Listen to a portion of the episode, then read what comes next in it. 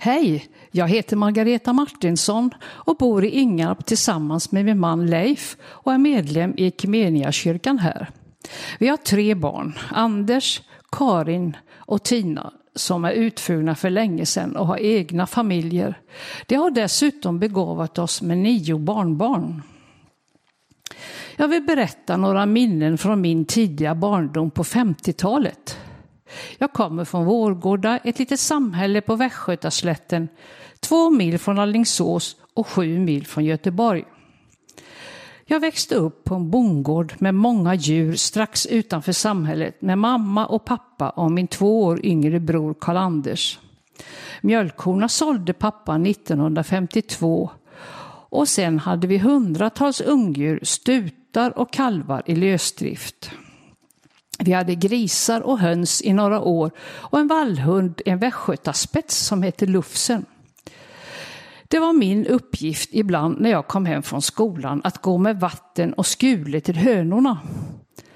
Jag hatade dem av flera anledningar. Några gånger när jag var riktigt sur för att just jag skulle mata dem stoppade jag ner en läskflaska i skulorna och tröstade mig med hos hönorna.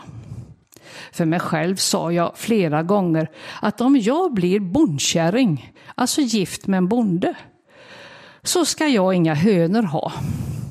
Jag gifte mig med en lärare. Jag hade inga tjejkompisar att leka med där jag bodde. Det var min två år yngre bror och jag som lekte. Min yngste bror, Klas-Henrik, var inte född då. Eftersom vi hade en på den tiden trafikerad väg utanför häcken så fick vi inte vistas där. När brorsan sprang ut på vägen så sägs det att jag puttade ner honom i diket och satte mig på honom. Ibland kom grannens pojkar, Jörgen, Peter och Stefan och lekte bonde med oss. De var lite yngre. Tjejkompisar fick jag först när jag började skolan. Vi hade två kilometer att cykla dit i ur och skur. Jag minns när gårdfarihandlaren kom och öppnade sin stora bruna väska på köksbordet. Han kom från Borås. Kanske var det Algots kläder. Ellos fanns inte då. Det var strumpor och underkläder och sygrejer och skjortor och byxor med mera. Mitt yrkesval som sjuksköterska, senare barnmorska, började tidigt. Vi lekte ofta doktor, min bror och jag. Först var det dockorna som var patienter. Senare stack jag och min bror med knappnålar. Mamma kom på oss då jag sa Shh, det går snart över. Jag hade sett hos provinsialläkaren doktor Söderberg hur man gjorde. Jag hade nämligen fått het lut från tvättgrytan på ena benet när min kjol fastnade i kranen. Då fick vi besöka doktorn flera gånger för att lägga om brännskadan. Vi barn fick eh, hjälpa till med mycket. Ibland var det kanske inte så roligt. Till exempel fick vi på lördagarna kratta sandgångarna och putsa familjens skor inför helgen.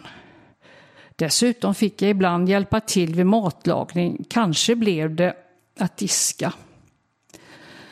Vi hade flera unga killar som jobbade på gården och som också skulle ha mat och kaffe. Jag fick tidigt lära mig att baka drömmar. Kanske tyckte jag bäst om degen. Varje sommar åkte vi på en veckas semester när höet och senare ensilaget var klart. Vi åkte ofta till Skåne för pappa ville se hur långt skörden hade kommit. En gång åkte vi till Dalarna och en till Stockholm. Där hittade jag en cykelnyckel utanför Kungliga slottet. Pappa sa att den nog är kungens, så lägg tillbaka den. Varberg var ett semestermål. Min mormor Agda hyrde nämligen ett hus där i Apelviken under några sommar. Min morfar Henrik dog 1956.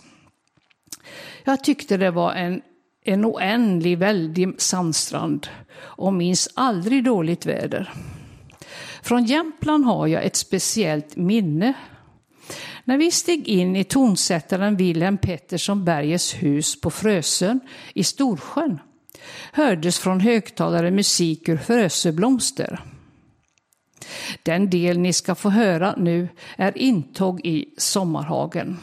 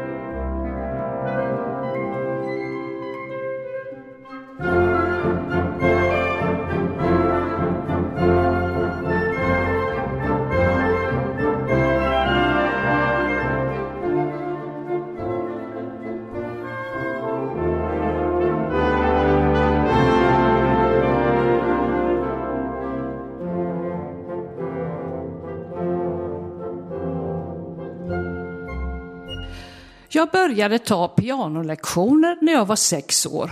Pianofröken hette Hanna. Jag tror hon tog två kronor lektionen. Det var inget roligt, men mamma och pappa ville det. Jag nådde inte ner till pedalerna. Tyvärr spelar jag inte idag. En kväll varje vår var vi tvungna att stanna inne. Då kom kyrkvaktmästaren med sin stora spruta på hjul och besprutade fruktträden. Vi hade alltid fin frukt och nu förstår jag varför. Gift. Det var farfar som skötte trädgården. Han brynte sin lie och slog det långa gräset. Farfar var inte så stark. 1949, då mamma väntade min bror, blev han påkörd av en buss och spräckte skallbasen. Sedan dess fick han EP-anfall ibland. Det var otäckt tyckte jag och dessutom sov han hela dagen efteråt och vi barn måste vara tysta. Jag har sett en luffare. Han var lång, väderbiten, hade stora kängor och en lång beige rock och stickad toppluva. Han gick mellan Göteborg och Stockholm förbi hemma. Skvallret sa att han var bror med biskopen i Skara. Vi vågade aldrig prata med honom, fast han såg så snäll ut så det hade nog inte varit farligt. Nu lyssnar vi på Luffarvisan med Allan Edwall.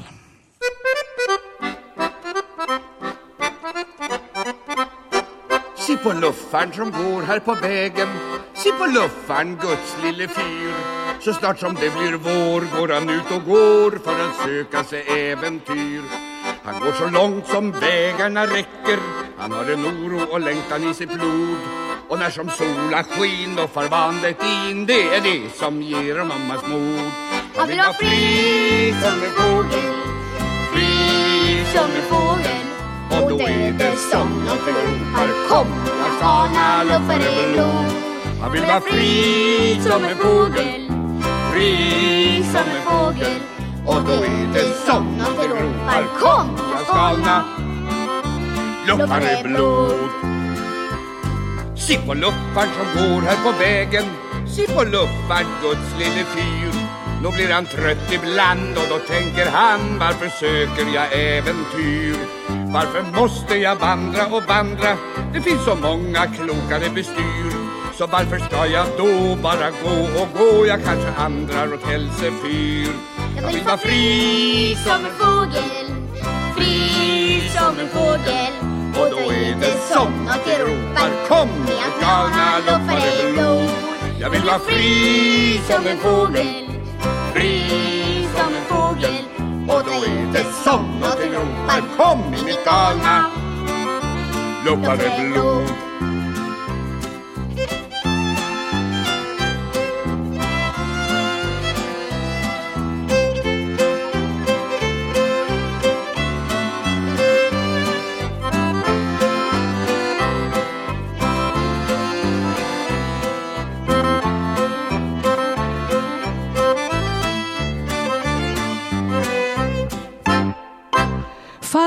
farfar Hilma och Fridolf bodde i ett annat hus på gården. Eftersom mamma och pappa var engagerade i olika styrelser och nämnder och musikövningar fick de ofta vara barnvakter. Karamellburken med de röda karamellerna, kungen av Danmark, besökte jag gärna. Ibland sov vi inne hos dem i en utdragssoffa. Vi låg skafföttes, som man säger på västgötska, alltså mitt emot varandra. Ibland var vi med på deras kvällsandakt.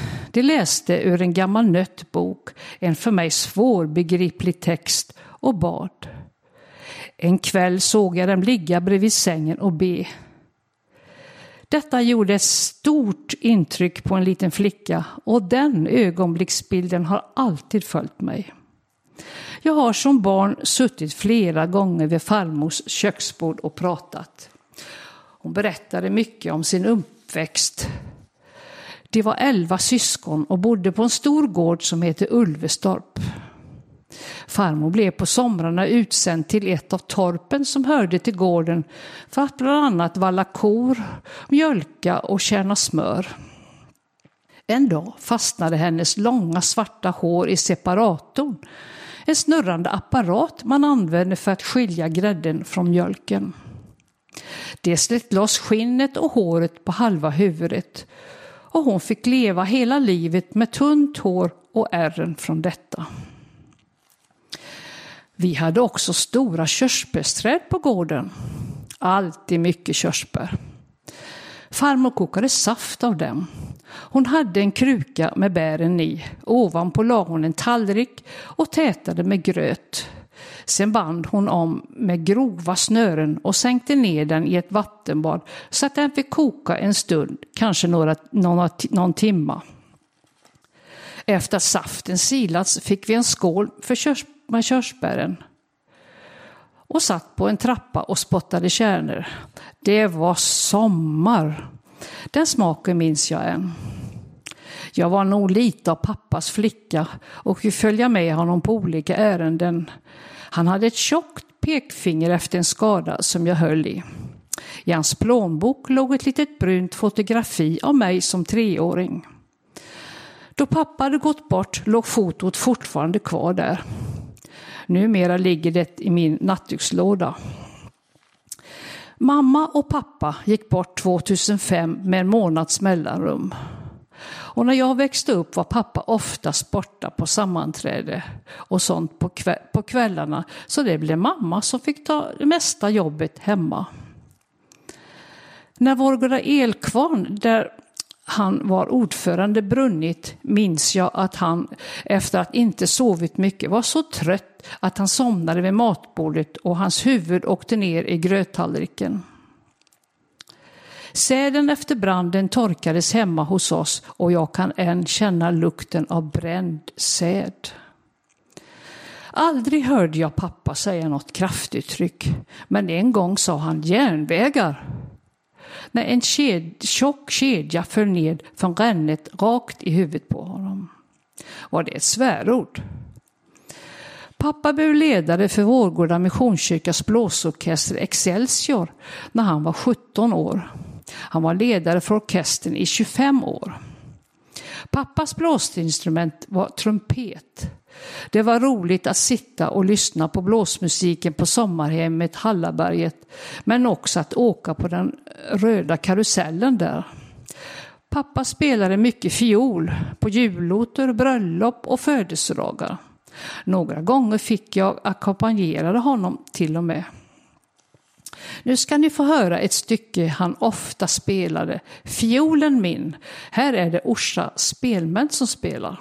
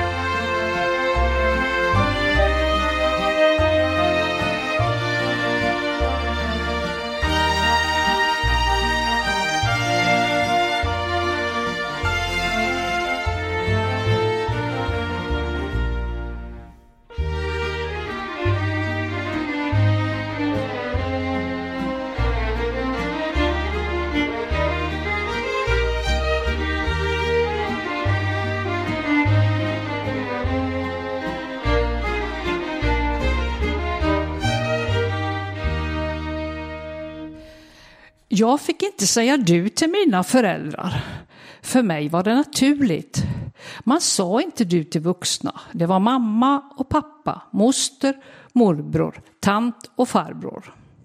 Men i sjätte klass då jag började läsa engelska och lärde mig ordet jo, började jag fundera. Jag prövade på mamma, men det kändes inte bra så jag fortsatte med att säga mamma och pappa och det var inga problem för mig. Pappas syster Anna-Lena Fastekile, som jag kallade henne, reste 1951 över till Amerika med båten Gripsholm. Hon bosatte sig senare i Kalifornien. Några jular skickade hon hem leksaker till oss. En jul fick jag en gårdocka som jag har kvar än. Den kunde blunda också. Min bror var lite avundsjuk och stack ut ena ögonlocket på julafton. En natt senare kom min avundsjuka. Jag gick och tog hans fina röda lastbil som han fått i julklapp och skulle gömma den. Men mamma vaknade och såg vad jag höll på med och hindrade mig. Jag fick också några amerikanska klänningar av henne. Bland annat en blå av sidentyp med krås ner till. Den var jättefin. Det var knappt att jag fick använda den. Jag har hört att min bror en gång sa, här kommer jag och efterkommer Margareta med brassleklänningen. Jag har den kvar och ett av mina barnbarn, Märta, har använt den. Det är många saker som präglat min tro. Kvällarna med samtal med farmor, söndagsskolan, scout och tonår. Min söndagsskollärare under några år var Kristina Gunnardos pappa. Hans älsklingsämne var Paulus res, missionsresor. Det var svårt att hänga med. Ibland fick vi sitta och rita under tiden. En gång sa farmor en mening som satt djupa spår i mig. Ni barn ska veta att ni är många böners barn. Ni barn ska veta att ni är många böners barn. Det gick runt i huvudet. Vad menar hon med det? Jag frågade henne aldrig. Vad betyder det? Hur länge räcker det? Men jag bär det vidare och ber för det mina varje dag. Det tar tid att räkna upp alla namnen. Det här var lite från min uppväxt och mycket har väl präglat mig till den jag är idag. Åren går fort och många gamla minnen försvinner. Tack för att ni lyssnat. Var rädda om varandra. Och jag vill avsluta med att spela en sång som jag tycker mycket om. Halleluja med Mink and Henny.